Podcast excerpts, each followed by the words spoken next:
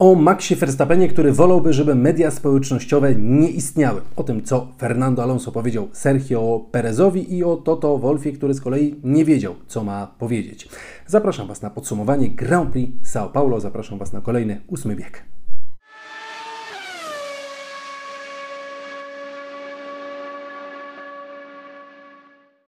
Partnerem ósmego biegu jest wypożyczalnia samochodów Odkryj Auto. I witam Was e, ponownie w moim wyjazdowym, pięknym, jakże efektownym studiu w São Paulo. Jestem krótko po e, powrocie z toru, nagrywam na gorąco swoje, słuchajcie, e, przemyślenia i co ciekawe, nagrywam je już drugi raz, bo za pierwszym razem, gdy je dosłownie przed chwilą nagrywałem, to nie podpiąłem mikrofonu mm, do telefonu, więc nie było dźwięku. Ale teraz mam nadzieję dźwięk już jest i bardzo się cieszę, że teraz już z większą wiedzą, bo sobie przeszedłem przez wszystko, to teraz myślę, że pójdzie jeszcze piękniej to nagrywanie. E, słuchajcie, zaczynamy od klasyfikacji generalnych. E, tradycyjnie e, wśród kierowców Lewis Hamilton, słuchajcie, do Sergio Pereza 32 punkty, już traci dwa wyścigi do końca. No wydaje się, że Sergio to drugie miejsce powinien sobie mimo wszystko jednak zapewnić. Wśród konstruktorów po tym wyścigu Ferrari 20 punktów tylko traci do, znaczy tylko, nie no dobra, bez przesady, 20 punktów po prostu traci do Mercedesa, no ale jest ten Merc gdzieś w zasięgu, nie wiem jak będzie z Mercedesem w te dwa ostatnie wyścigi, bo po tym weekendzie to naprawdę trudno w ogóle cokolwiek przewidywać. Mm, ale Ferrari no, może sobie trochę pluć w brodę, bo było tutaj jeszcze więcej na stole, biorąc pod uwagę formę e, e, Mercedesa. A z tyłu stawki, no tam ten pojedynek gigantów przecież mamy, słuchajcie, ale w, tym, e, w ten weekend tylko Alfa Tauri zdobyła punkty i do Williamsa w tym momencie traci 7 punktów. No dobrze, słuchajcie, no to ja przechodzę tradycyjnie do wygranych tego weekendu, a zacznę po prostu od Grand Prix São Paulo, bo ja, słuchajcie, bardzo lubię ten wyścig, jestem tu po raz czwarty, bardzo lubię to miasto, tę atmosferę, tych ludzi, którzy tutaj e, przy tym wyścigu e, się pojawiają. Atmosfera tutaj jest cudowna i jeśli ktoś z Was chce zaliczyć jakiś taki nietypowy kiedyś wyjazd y, na jakiś wyścig Formuły 1, to polecam Wam Brazylię, polecam Wam São Paulo. Naprawdę nie ma co się obawiać, że tutaj jest jakoś niesamowicie niebezpiecznie. Wiadomo, trzeba uważać, wiadomo, to nie jest y, jakieś super bezpieczne miasto i lepiej nie chodzić obwieszonym brylantami, ale to też nie jest tak, że nie wiem,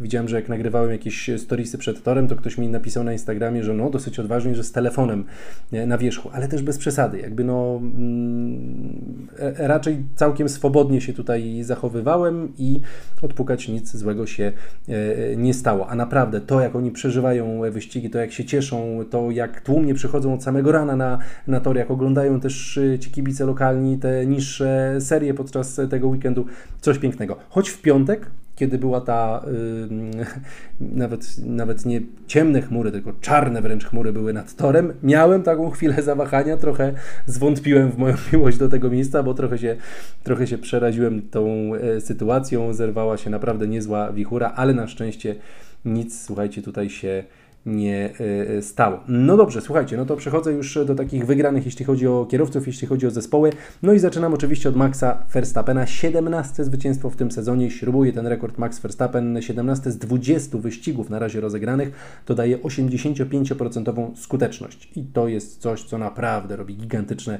wrażenie. 52 zwycięstwo w karierze, jest już przed Prostem, a przed nim w tej klasyfikacji wszechczasów E, zostali jedynie Vettel, Schumacher i Hamilton, więc e, no, kolejne zwycięstwa przed Maxem. Na pewno pytanie, do ilu ostatecznie e, dobije. Wyścig przez niego świetnie rozegrany. To nie jest tak, że to było jakieś super łatwe zwycięstwo, bo on też mówi, że naprawdę tymi oponami trzeba było mocno zarządzać i zapytany o to, od kiedy zarządzał oponami, powiedział, że w zasadzie od okrążenia wyjazdowego. No ale generalnie niemalże perfekcyjnie weekend w wykonaniu Holendra, wygrany sprint, wygrany, wygrany wyścig, więc tradycyjnie wielkie brawa dla Maxa. E, I ciekawa wypowiedź e, od Maxa. Pytany było to na konferencji prasowej, czy czeka na Grand Prix Las Vegas, czy jestem podekscytowany, że amerykańskie show, kibice, Netflix e, i wszelkie atrakcje, gwiazdy, media społecznościowe, wielkie liczby w grze, wielkie pieniądze i tak dalej. Max powiedział, nie, szczerze mówiąc, ja jestem staroświeckim facetem i dla mnie to media społecznościowe w ogóle mogłyby nie istnieć. Więc e, ciekawie to brzmiało z ust e, jednak dosyć młodego e, człowieka. Mm, I tu rzeczywiście to dosyć takie staroświeckie podejście, ale szanuję. Ja czasami też myślę, czy nie lepiej byłoby, gdyby nie było social mediów, ale wtedy też ciężko by mi było pracować tak, jak pracuję teraz. Więc może jednak dobrze, że, że są.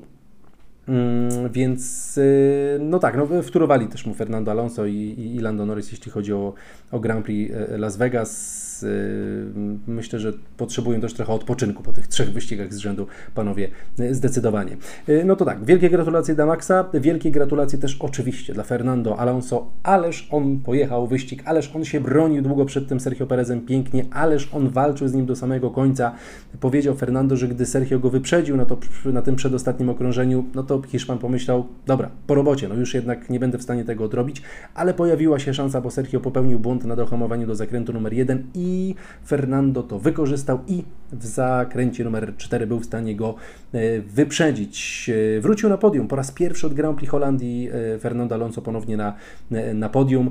No i powiedział, że taka piękna scena była w ogóle, zobaczcie, w trakcie wywiadów, akurat przed kamerą Viaplay. E, Czeko podszedł do, do Fernando, no i później e, zapytano Fernando, co on tam, e, o czym rozmawiali z, z Czeko w ogóle po tym wyścigu. No to Fernando mówił, że powiedział Perezowi, że mm, stary, nie możesz mnie poddawać takiej presji nigdy więcej, bo ja nie mam już 20 lat. Więc tak trochę z przymrużeniem oka Fernando dał do zrozumienia, że naprawdę sporo go kosztowało to, to podium i też widać było po nim, po, po tej jego reakcji, jak bardzo tym się, tym się cieszył. Więc no duże brawa, bo Fernando myślę, że tego potrzebował. Potrzebował tego bardzo Aston Martin, który, słuchajcie, jakby powrócił do swojego statusu sprzed tych poprawek. Tych poprawek trochę jakby skasowali, odłożyli te poprawki na, na półkę, no i tego tempa trochę rzeczywiście e, odzyskali. No, przebudzili się trochę. Lance Stroll też dobrze pojechał naprawdę w ten, w ten weekend. Dla niego też e, duże brawa, więc e, no jestem ciekaw, czy to jeszcze się utrzyma przez dwa kolejne wyścigi, czy tutaj akurat te wszelkie okoliczności, słaby Mercedes przy okazji, bardzo słabe, znaczy bardzo słaby Mercedes, Ferrari też awaryjne i nie do końca szybkie, to też im na pewno pomogło, no ale jednak brawa dla Astona się należą, to też oczywiście są wygrani tego e, wyścigu. Do wygranych no nie mogę nie zaliczyć Lando Norrisa. Z szóstego pola startowo do wyścigu zajął drugie miejsce, świetne starty, świetna forma też w kwalifikacjach do, do sprintu, tam zdobył e, pole position. No ten piątek, te kwalifikacje tam nie do końca udane, no ale ostatecznie i tak tempa na to, żeby Maxa Verstappena wyprzedzić w tym wyścigu nie było, no ale McLaren znowu wyglądał bardzo dobrze i Lando Norris powiedział, że zrobili 10 kroków do przodu w trakcie tego sezonu, zrobią jeszcze dwa i naprawdę będzie ciekawie, jeśli chodzi o walkę o zwycięstwa. Więc e, czekamy na to i wierzę w to, że McLaren może te dwa kroki jeszcze kolejne e, wykonać, e, bo no już od dłuższego czasu po prostu są zespołem ze ścisłej czołówki. To nie jest nic powiedziane tutaj na, na wyrost. A sam Lando, no, praktycznie bezbłędnie ten, ten wyścig e, pojechał, świetnie, zarządzanie, świetnie zarządzał oponami, świetnie zarządzał e, tempem, więc dobrze się to po prostu e, oglądało. No i słuchajcie, do wygranych zaliczam jeszcze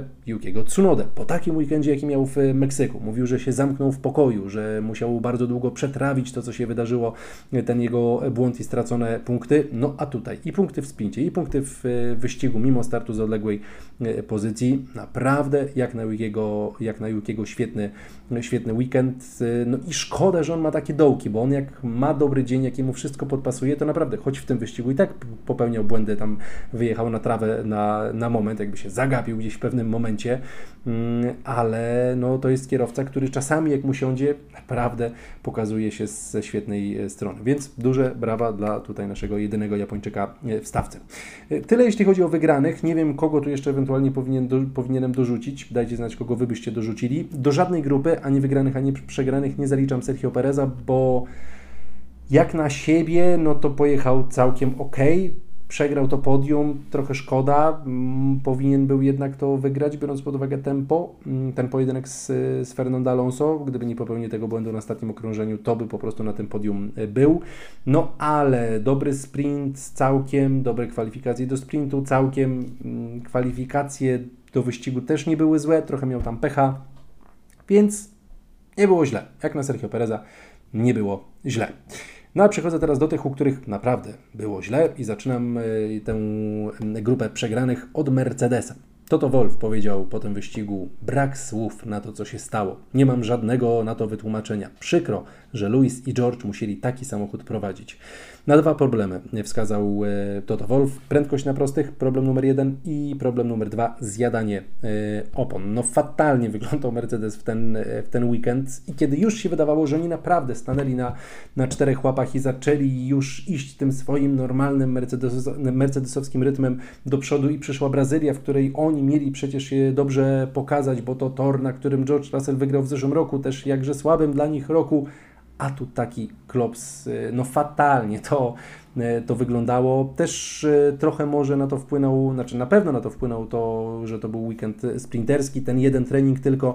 Oni też, na to wskazywał George Russell, obawiali się tego zużycia deski pod samochodem. To za co zdyskwalifikowano Hamiltona po Grand Prix Stanów Zjednoczonych. Ja e, piątkowy trening obserwowałem obok garażu Mercedesa i trochę patrzyłem, jak tam mechanicy przy tych samochodach Russella i Hamiltona pracowali. No to gdy panowie na początku tych sesji, tej sesji zjeżdżali do do mechaników, to od razu jeden z nich po, kładł się pod, pod samochód i sprawdzał taką cyfrową, bardzo prostą suwmiarką to, jak ta deska się, czy się zużywa, czy też, czy też nie. Więc widać było, że to jest dla nich jakiś temat w ten weekend, no i może też trochę za wysoko ten samochód poszedł po prostu do, do góry. Lewis Hamilton powiedział, że odlicza już dni do końca tego sezonu i do pożegnania się z tym samochodem. Zapytałem o to na polach startowych Toto Wolfa, czy zgadza się ze słowami Luisa i czy też odlicza. Powiedział, że u niego wygląda to tak samo, więc yy, czekamy, co Mercedes nam pokaże w tych dwóch ostatnich wyścigach, ale po tym, co pokazali tutaj, ja już nie jestem w stanie jakkolwiek zakładać, jakim w ogóle może pójść, tym bardziej Las Vegas, nic nie wiem o tym, yy, o tym wyścigu.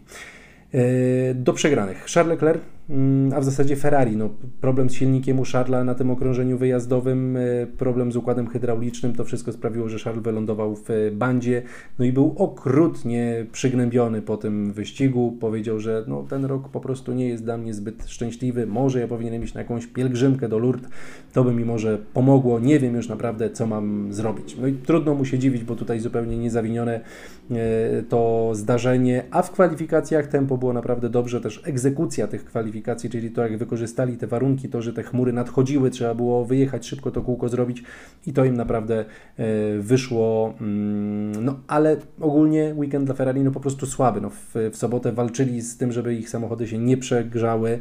Mm, Charles Leclerc mówił, że 17 razy usłyszał komunikat lift and coast, czyli odpuszczenie gazu na dojeździe do, e, do zakrętu, żeby trochę dać odpocząć silnikowi, żeby trochę ta temperatura e, zmalała. Carlos Sainz też mówi, że chyba nigdy wcześniej w trakcie całej kariery nie usłyszał tego komunikatu tak często jak w trakcie sprintu. Zły, po prostu albo bardzo średni, nie no zły. No, nie wywieźli tyle punktów, ile, ile tutaj było do wywiezienia, tym bardziej biorąc pod uwagę właśnie słabego Mercedesa, więc y, tutaj Ferrari jak dla mnie w, w, wśród przegranych miejsce zasłużone.